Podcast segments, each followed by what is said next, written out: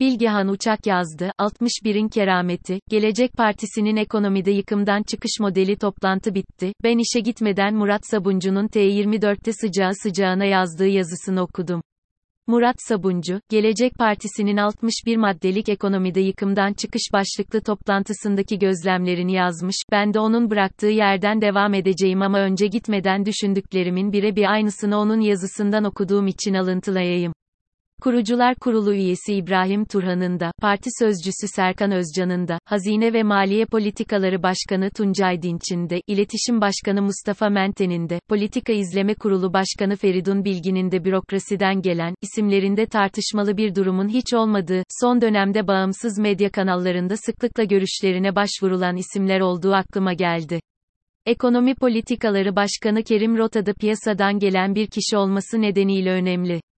Genel Başkan Ahmet Davutoğlu sağlam bir ekonomi ekibi kurmuş. Ahmet Davutoğlu, sağ ve sol yanında ekonomi kurmayları, basının karşısına çıkıp ekonomide yapacaklarını anlattı. Geçen sene, ekonomide gelecek modelini açıklayan parti bugünkü durumu, yıkım olarak nitelemiş. Programda benim dikkatimi en çok çeken şey, Davutoğlu'nun ısrarla ekip olduklarını vurgulaması oldu. Ben bilirim, böyle yapılır, demek yerine ekonomiyi yönetecek kadroların üç alanda da uzmanlaşmış kişilerden oluşması gerektiğini söyledi. Teoriye hakim akademisyenler, bürokrasiyi bilen bürokratlar ve piyasadan gelen uzmanlar. Ahmet Davutoğlu, kameraların önüne tek başına çıkmak yerine, kadro hareketi, dediği partisinin kurmayları çıkarken sanırım bir daha, tek adam, idaresine dönülmeyeceğinin mesajını da vermeye çalışıyordu. 61'in sırrı çözüm önerilerinin 61 madde olması da dikkat çekiciydi. 61, yani Trabzon, yani bugünün en tartışmalı iki ismi Berat Albayrak ile Süleyman Soylu'nun memleketi. Albayrak döneminde ekonominin, Soylu döneminde de iç siyasetin geldiği durum ortada. Ama gelecek, çözüm, için 61 madde sıralamış. Bunu ekonomi ancak ehil bir kadronun yönetimin başına geçmesi ve iç siyasette yeni bir dilin egemen olması ile birlikte düzelir, diye okuyorum ben. Davutoğlu haricinde ekonomiden sorumlu altı yardımcısı da sunumlar yapıp alanlarında tespit ettikleri sorunları ve çözüm önerilerini gösterdiler. Ahmet Davutoğlu, yıkımdan nasıl çıkılacağını, enkazın nasıl kaldırılacağını açıkladığı sunumdan sonra gazetecilerin sorularını cevapladı. Geçenlerde, Politik Yolda yazdığım yazıda Nasla Hayrettin Karaman'ın sözlerini birlikte değerlendirerek bunun İslami ekonomi haricinde Kılıçdaroğlu'nun olası adaylığına dair bir girişim olabileceğini söylemiştim.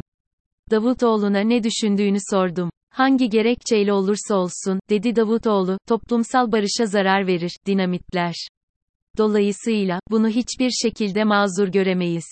Siyasilerin de öncelikli kimlikleri Türkiye Cumhuriyeti vatandaşlığı kimlikleridir.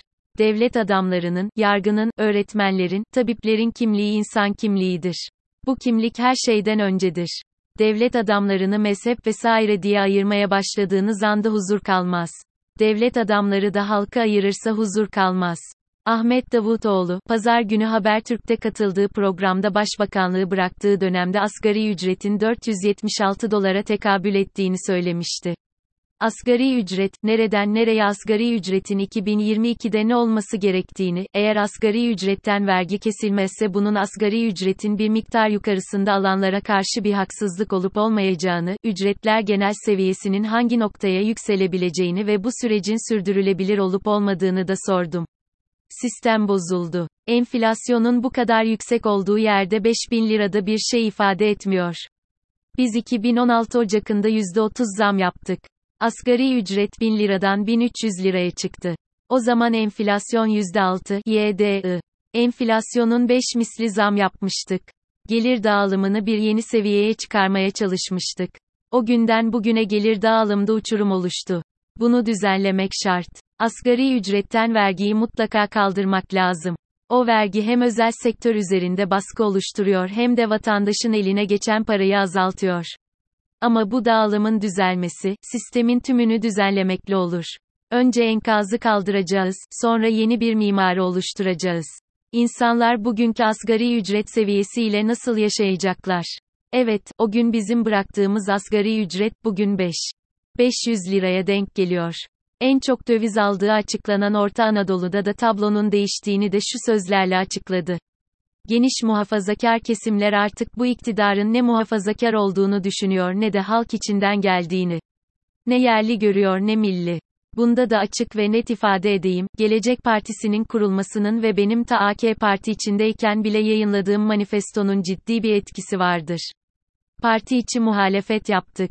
Çok zordur bir insanın kendi arkadaşlarıyla, kendi oluşturduğu iktidarla mücadele etmesi.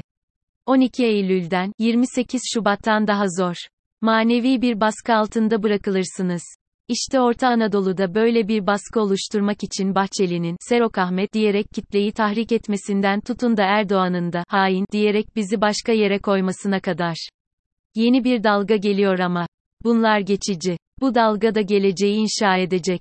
İşte bunlar da benim gözlemlerim ve sorularım.